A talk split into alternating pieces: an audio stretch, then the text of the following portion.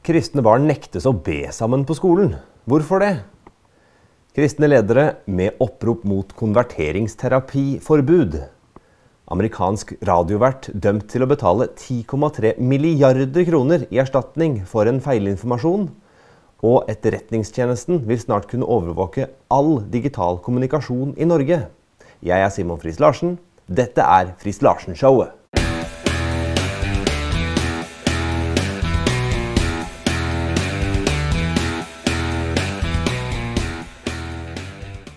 Kristne barn nektes å be sammen på skolen. Det er eh, Sogn Avis som skriver Elevar vil samlast til andakt i lunsjen. Det får dei ikke lov til lenger. Det er synd vi må sitte ute i regnet medan de andre elevene kan være inne i friminuttet. 50-15 elever på ungdomsskoletrinna bruker møtes onsdager i matfriminuttet. For noen år tilbake ble det danna et eh, skolelag på Sagatun skole, der de som vil, kan treffes til kristent fellesskap, en laglunsj. Vi bruker å treffes og snakker om skole og andre ting. Så held en andakt, og de som vil, kan be. Vi bruker å leike eller spille kort, forteller da en elev her. Men så ble det bråstopp. Men i høst sa rektor nei. Elevene i skolelaget får ikke lov til å møtes innendørs på skolen. I brevet til skolelaget ved Sagatun skole skriver rektor at det i Sogndalsskolen skal være lik praksis på alle skolene. På et eh, leiermøte i vår ble det semje om at dersom skolen skal være livssynsnøytral, skal ulike religions- og livssynsgrupper bli handsama likt. Dette medfører at eh, Sogndalsskolen ikke ønsker at det skal være religiøse samkommer innenfor skoletida, og at skolen ikke skal formidle informasjon fra ulike trossamfunn. Og Det syns selvfølgelig barna er dumt, og foreldre reagerer på at dette her kan man jo ikke gjøre. Men eh, det sier jo da kommunedirektør har svart eh, følgende, da. Han viser til at uh, organisasjoner som vil ha innpass i skoletida, har etter avslag prøvd saka hjå Statsforvalteren og Utdanningsdirektoratet uten å få medhold. Skolen er livssynsnøytral og skal ikke stå fram som formidler på vegne av et trossamfunn, da dette kan oppleves som støytende og krenkende for deg som hører til andre trossamfunn, jf. opplæringslova 2.3. Skolen skal vise respekt for elevene og foreldra sine religiøse og filosofiske overtydinger. Ja vel, så står det videre her da, at vi har vurdert at religiøse samlinger i skoletida med religion som bakgrunn og føremål med samlingene kan føre til et skolemiljø som er diskriminerende og hindrer leik og sosial læring på tvers av religiøse orientering. De som ikke er en del av den samme religiøse orienteringa, kan kjenne seg ekskludert eller forbinda til å forhindra til å delta. Så hva er det det her da egentlig handler om? Altså, her nektes disse barna å kunne samles til et skolelag for å ha en andakt og be sammen i storefri.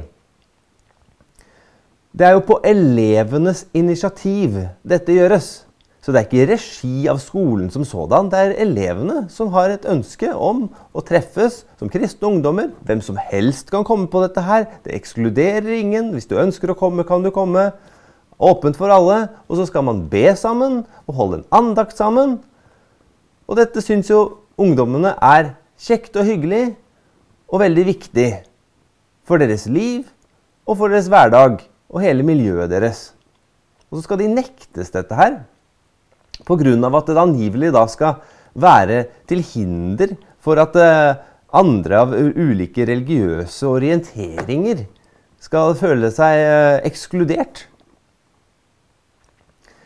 Altså her skal man først hindre at man skal kunne dele ut Nytestamenter på skolen. Det blei jo hindra nå ganske nylig. Og nå skal man hindre at elever selv skal kunne samles til bønn. Og Dette kaller man livssynsnøytralt. Men det er ikke noe livssynsnøytralt ved dette her. Fordi at Ved å kalle det livssynsnøytralt, så sier man at det kristne livssyn er galt. For det kristne livssynet det påstår jo at virkeligheten, kunnskap, moral Alt har sitt utgangspunkt og forankring i Jesus, i den kristne tro. Og det gjelder alle mennesker. Så når du da påstår at noe er livssynsnøytralt, så påstår du samtidig da at det kristne livssyn er feil. Og dermed så er ikke det å kalle noe for livssynsnøytralt nøytralt i seg selv. Fordi det påstår jo at det kristne livssyn er galt. Og disse elevene vil møtes i skoletida. De har all rett til det. Det, det vises her til opplæringslova. Jeg skal bare dra fram opplæringslova. Her fra paragraf 1, vers 1. Vers, paragraf 1, 1. Der står det opplæringa i, skolen, opplæringa i skole og lærebedrift skal i samarbeid og forståing med heimen åpne dører mot verda og framtida og gi elevene og læringene historisk og kulturell innsikt og forankring. Så står det videre. Opplæringa skal bygge på grunnleggende verdier i kristen og humanistisk arv og tradisjon, slik som respekt for menneskeverdet og naturen, og åndsfridom, nestekjærleik, tilgivning, likeverd og solidaritet. Verdier som òg kommer til uttrykk i ulike religioner og livssyn, og som er forankra i menneskerettighetene. Så så det er veldig tydelig her verdier i kristen arv og tradisjon. Og at det er forankra i menneskerettighetene. Så det som rektor og rådmann, kommunedirektør her da gjør, det er jo da i strid med menneskerettighetene. Elevene på den skolen der har all rett til å organisere og samles til å holde en andakt og til å be sammen i skoletida. Og det må de bare fortsette med. Elevene der, dere må bare fortsette å be sammen. Og så må dere be for denne rektoren og be for denne her kommunedirektøren her. For det de er redde for, det er jo kanskje et annet politisk flertall i kommunen, eller De er i hvert fall redde for kristne, virker det som. For det er jo kristne som faktisk kan ha en påvirkning på samfunnet. Så bare fortsett å be. Fortsett å holde andakter. Dere har all rett til det i henhold til menneskerettighetene, i henhold til opplæringsloven. Og det er så viktig. Det er ikke noe som heter livssynsnøytralt. Det kristne livssyn det er garantisten for toleranse. Det er garantisten for inkludering. Så fortsett.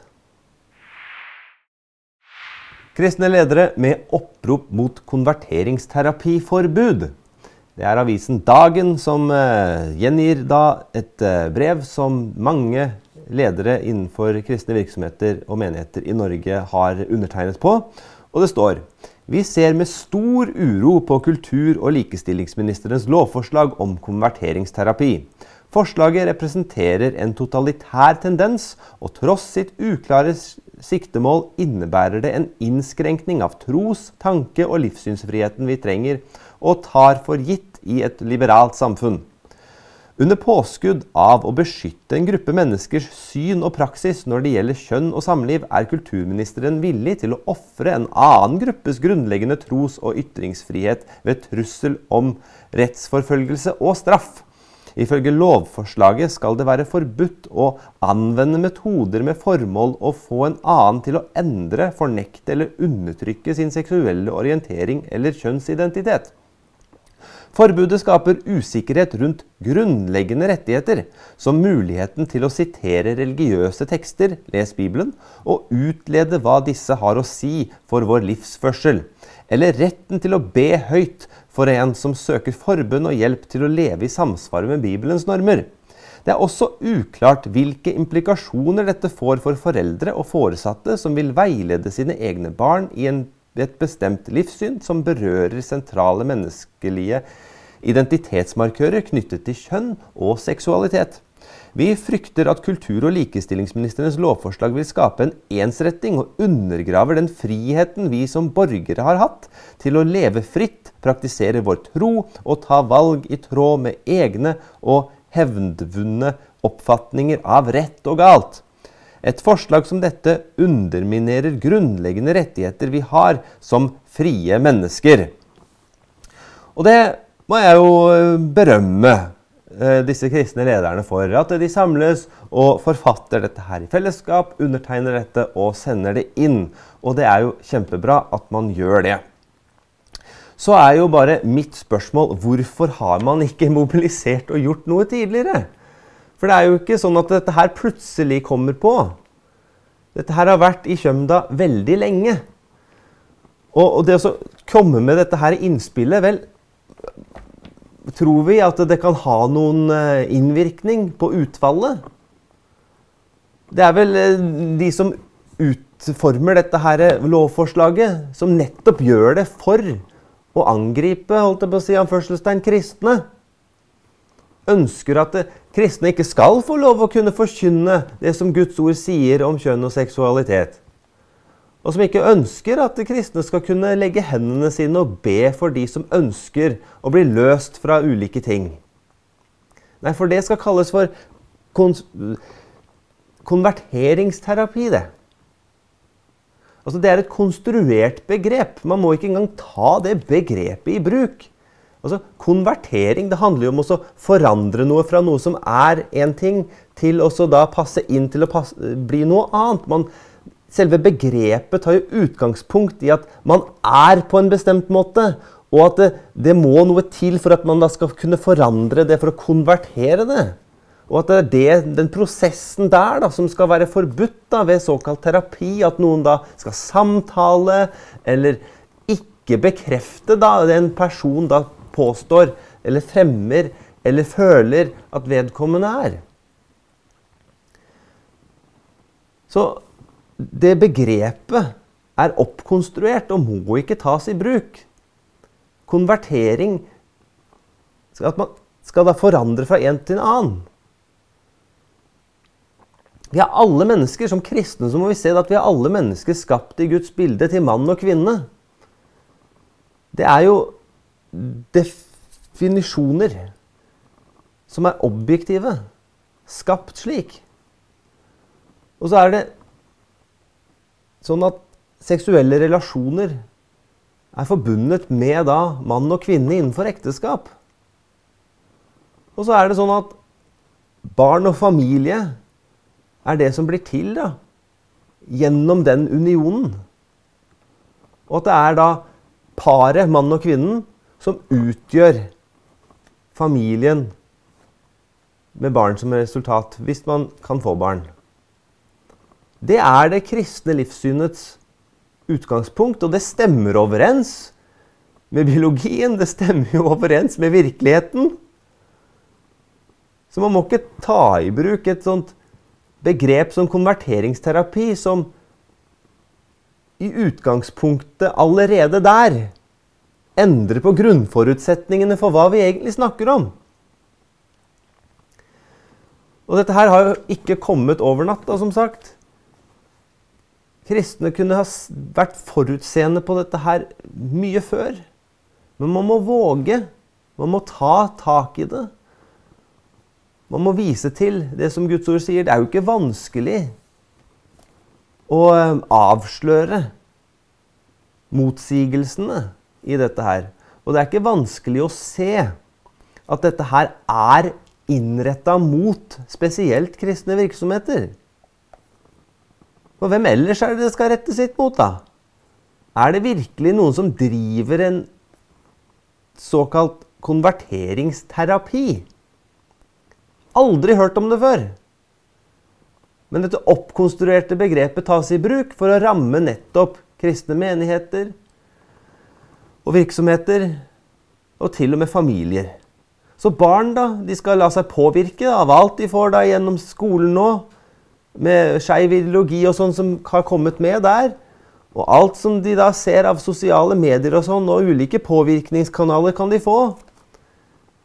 Men at kristne skal kunne påvirke dem og rettlede dem til å si det at ja, sånn og sånn er det ting skal være. Nei, det Det er terapi, det angivelig, det. da. Og hvis, hvis et barn da har fått den oppfatningen av at det gjennom påvirkning kanskje av det de har sett eller lest osv. av at ja, jeg vil være sånn og sånn. Ja. Det, det, er sånn jeg er.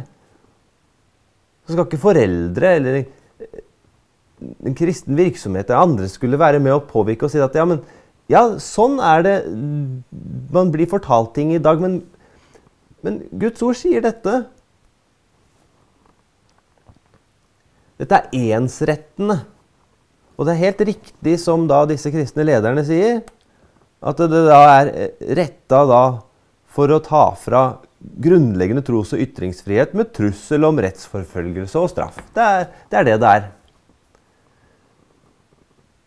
Og de som ønsker å innføre dette her, det gjør det da for å ramme kristne. Og så spørs det jo da hva kristne gjør.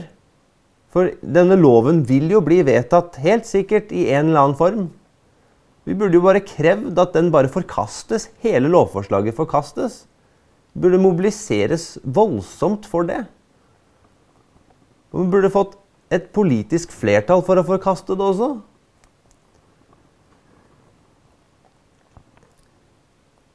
Men noe må gjøres. Jeg tror de aller, aller fleste foreldre ønsker jo ikke at barn skal læres opp til noe som da gjør at man til og med ikke kan påvirke og rettlede. Og dette her er spesielt innenfor det kristne, det kristne livssyn. Og går man utenfor det, så kan man låne fra det kristne livssyn for å, for, for å ha rett i ting. Men også der vil jo da mange, de aller fleste, si at nei, det kan da ikke være sånn at man ikke skal kunne vise til hva vi alltid har visst hele tiden. At ja, det, det er slik og sånn.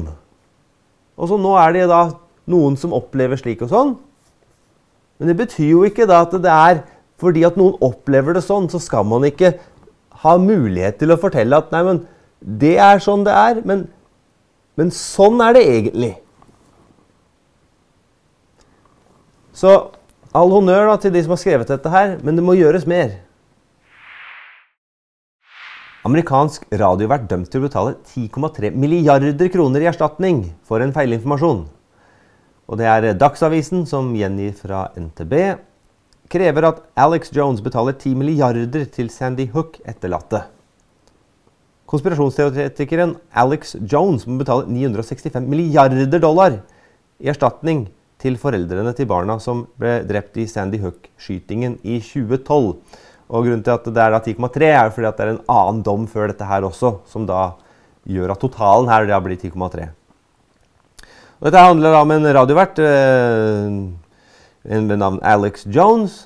Og eh, jeg har ikke akkurat fulgt med på han, eh, har hørt om han, men han har jo da um, fremsatt en påstand, tatt feil av en sak, som da gjelder en eh, tragisk hendelse ved en skole som heter Sandy Hook, hvor da eh, 26 personer, deriblant 20 elever, ble drept. Og det er en tragedie. Og Det uh, Jones da har uh, hevdet, er jo da at dette her var iscenesatt, at det da ikke har virkelig funnet sted.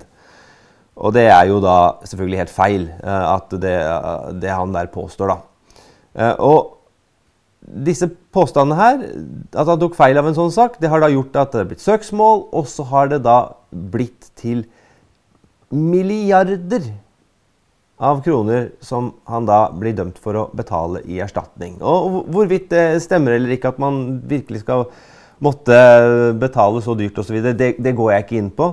Men poenget er det at her dømmes det en person for å ha spredt feilinformasjon om én sak. Og tatt feil av formidlingen av en sak. Men hvilket nyhetsbyrå, hvilken, hvilket medium er det som ikke har gjort, tatt feil av en sak og delt noe feil? Og som aldri får noen konsekvenser for det. Altså, han her er jo kontroversiell og har mange teorier om forskjellige ting. Og han tok veldig feil i denne saken her. Men at han tar feil i en sak, det gjør at han da blir dømt til så mye. Mens andre medier slipper unna når de kommer med feilinformasjon. Og apropos feilinformasjon. Her er en annen sak. Og dette her er også da fra en uh, kilde som da heter Steigan. Og grunnen til at jeg viser til den, er for at det er den norske kilden som viser til denne saken. Det fins masse kilder på engelsk, men disse skriver noe på norsk. Og da, der finner jeg det lettvint å, å vise til hva, hva, de skriver. Og det gjelder da Pfizer. Innrømmer sprøytene var ikke testet for å hindre smitte. Koronasprøytene ble ikke testet for å hindre smitte, innrømmer Pfizer-leder.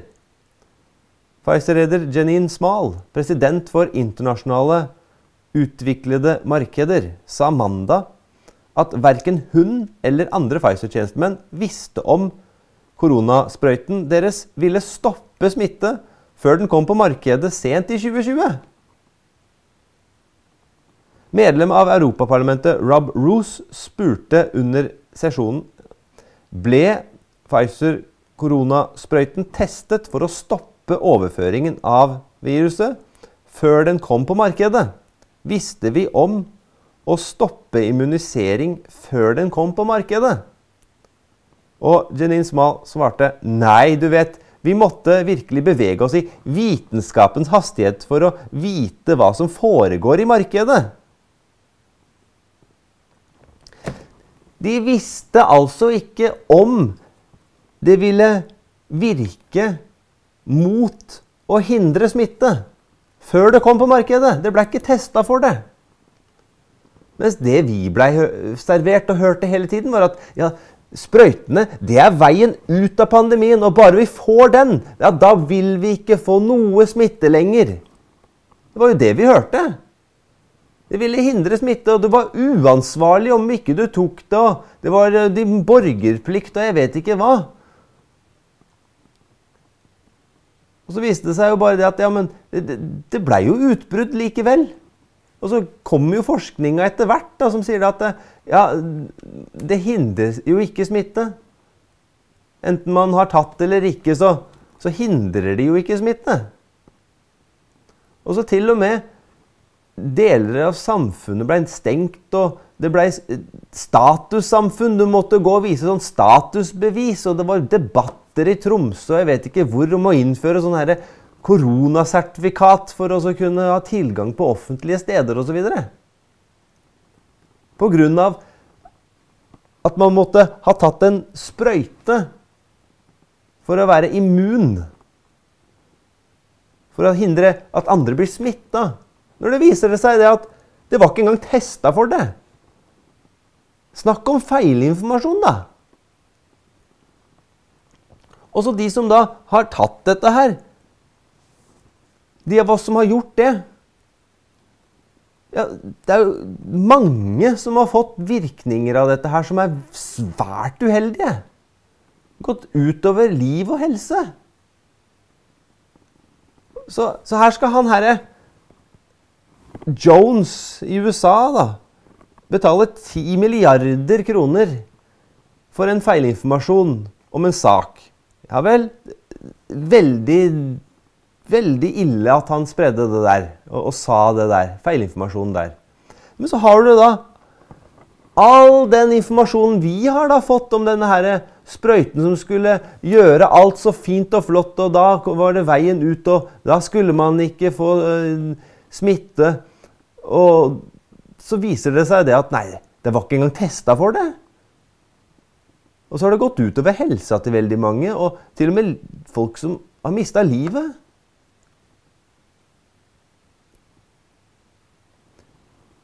Nei, det skal ikke ha noen konsekvenser for noen, det. Det er, det er sånt jeg stiller spørsmål ved. Ja, man kan gå etter én kar som, som gjør og som, som sier noe uheldig, tar svært feil om en sak. Mens når media og andre bare pøser på med feilinformasjon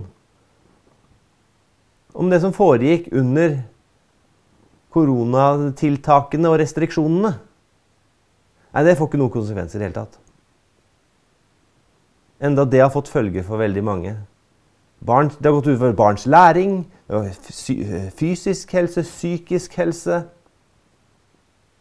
Og Jeg sier ikke at det ikke nødvendigvis dette har hjulpet for noen, det er ikke det. Men det er det at vi blir fortalt én ting, og så er det feil. Og så har det fått konsekvenser for veldig mange. Folk som mista jobbene sine og sånn fordi at de hadde spørsmål ved dette her og var usikre på om de skulle ta det. og Fått konsekvenser for mange. Basert på feilinformasjon.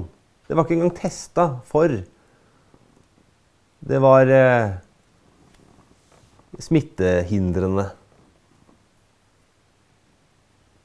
Så jo da, man kan gjerne dømme han der eh, borte i USA for å ha sagt noe dumt her om en ting. Det, det, kan, hende, kan stemmer, men, men, men, all den annen feilinformasjonen vi har hørt Hvis, ikke det får konsekvenser, så er det så inkonsekvent som det får blitt. Etterretningstjenesten vil snart kunne overvåke all digital kommunikasjon i Norge.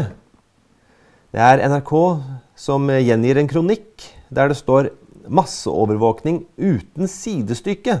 Snart vil Etterretningstjenesten vite hvem du snakker med. Forstår politikerne hva de har vedtatt? Den nye e-tjenesteloven legger opp til en digital masseovervåkning som savner sidestykke i norsk historie.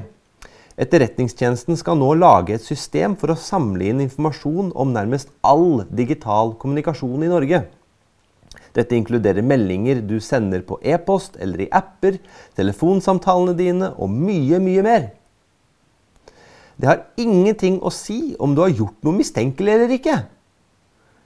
Vi frykter at politikerne ikke forstår rekkevidden av hva de har vedtatt, eller synes de faktisk at slik masseovervåkning er akseptabelt. Ja, men jeg har jo ingenting å skjule, så det gjør jo ikke noe om det ligger åpent. Jo, det er nettopp det det gjør. For har man ingenting å skjule, så skal det heller ikke overvåkes. For når ting overvåkes, så kan den informasjonen som overvåkes, bli utnytta og bli misbrukt. Og Det snakker spesielt om og til konservative for mange av oss er mer enn nok tilbakeholdne med å si meninger, stille spørsmål og fremme forslag, som det er allerede. Jeg vet det finnes mange sånne ulike telegram og signal og Messenger og alle mulige sånne grupper hvor man sitter og skriver og man møtes og har ulike sånne samlinger. Og det er veldig fint og flott, det, altså. Men det er jo fordi at man våger jo ikke å si meningen sin i det åpne. Man tar ikke spørsmålene og reiser debatter. Og så er jo, er jo mediene der at de undertrykker konservative meninger. Og Facebook, som ja, selvmotsigende nok som jeg bl.a. er på her, vil jo finne på å kunne gjøre sånn at ting ikke spres som det, som det så lett gjøres, hvis det er liberalt. Altså Man får ikke noe gratis. Algoritmene ligger jo sånn at det, det går jo ikke ut. Det kreves mer direkte deling og liking osv. for at budskap skal komme ut. hvis man har en konservativ holdning. Det er klart, Hvis du da har overvåkning av alt som skrives, sies osv., så, videre, så vil det jo bli enda vanskeligere da, å, å komme fram med det man vil. Og hvis man da har en styringsmakt som er opptatt av å overvåke, så vil det også da kunne misbrukes til også da forhindre at det, det blir politisk skifte. Fordi at man nettopp vil kunne sensurere, undertrykke, arrestere osv. meninger som man da ikke ønsker skal komme til uttrykk. Så Det er jo viktigere enn noen gang at konservative har tydelige meninger i det åpne. Og mobiliserer og får fram det vi står for. Og slik overvåkning som dette her, det skal vi ikke ha noe av. Om så konservative styrte, så hadde vi ikke akseptert denne type overvåkning. For det lukker for muligheten for åpent demokrati. Og så er det sånn, hvis det her overvåkes, du kan knytte dette her til andre digitale tjenester. Til til banktjenester, til koronasertifikat osv. Og, så og da er du bundet på ja, på alt. Det, det, frihet opphører for absolutt alle. Vi må ha et fritt og åpent samfunn. Da kan vi ikke ha slik overvåkning som dette her.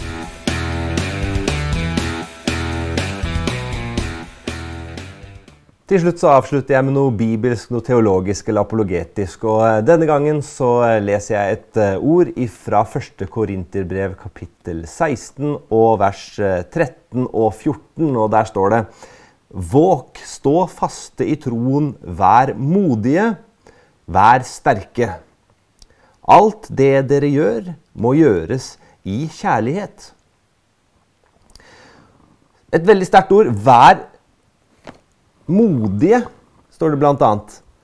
Og ordet 'modig' kan også oversettes 'mandig'. Mm. Høres bra ut, gjør det ikke det?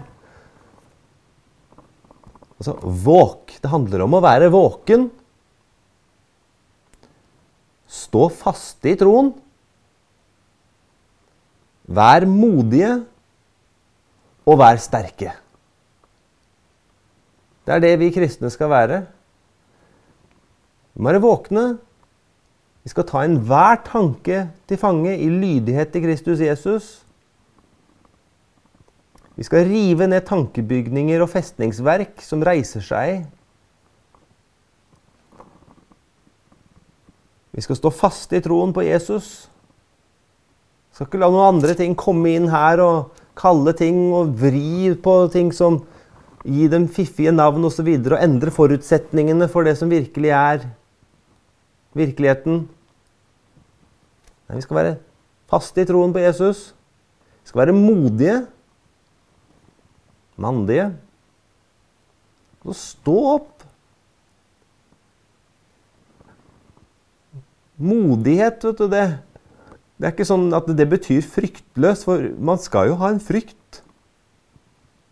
Men man gjør ting på tross av frykten fordi at det man frykter som er konsekvensene av å ikke gjøre det, er verre enn konsekvensene av frykten selv. Så man må være modig, og man må være sterk. Det står at 'gleden i Herren er min styrke'. Så vi er jo ikke akkurat sterke i oss selv. Men med Gud så er vi sterke. Om Gud er for oss, hvem kan da være mot oss? Så våg, stå fast i troen, vær modige, vær sterke. Men så står det da i vers 14 Alt det dere gjør, må gjøres i kjærlighet.